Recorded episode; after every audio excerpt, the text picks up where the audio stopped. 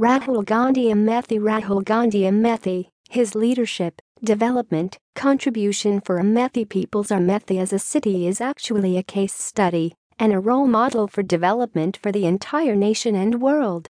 Amethi was one of the most backward regions in the country in 1980s until Rajiv Gandhi decided to enter into politics by serving the poor of the country. He focused on the people living here and worked until 1991 to bring out the change in the lives of the people living here. In a span of 10 years, Amethi grew on all fronts agriculture, law and order, health and education, industrialization as well as connectivity, as confirmed by the local people. It is worthwhile to note that the soil here was infertile due to alkalinity, but with efforts the barren lands were transformed into lush green farms with good productivity. Progress under Rahul Gandhi and Amethi Rahul, like his father also decided to choose Amethi as his constituency, where he can silently contribute for its development. He has been MP for three consecutive terms from here since 2004.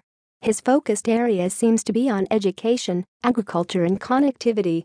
Dramatic change in education, connectivity, a road to development. Today Amethi not only has one of the best roads and infrastructure in UP, but is also easily accessible to and from other parts of the country.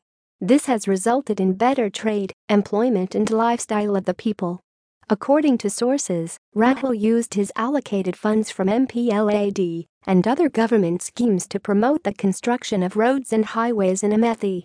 Farmers were very happy and prosperous. Rahul worked silently for the protection of farmers' rights and their livelihood, as according to them the localities encouraged coexistence model of agriculture and the industrialization.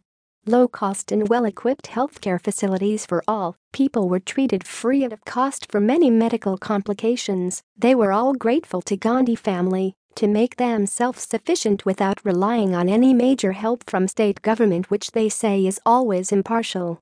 Development in Amethi Rahul's constituency that has shown to rest of the world how to self-sustained. The constituency has emerged as the cash study for the education institutes about the ways to stop the exodus of educated unemployed youths from smaller cities to metros. The Amethi has shown the way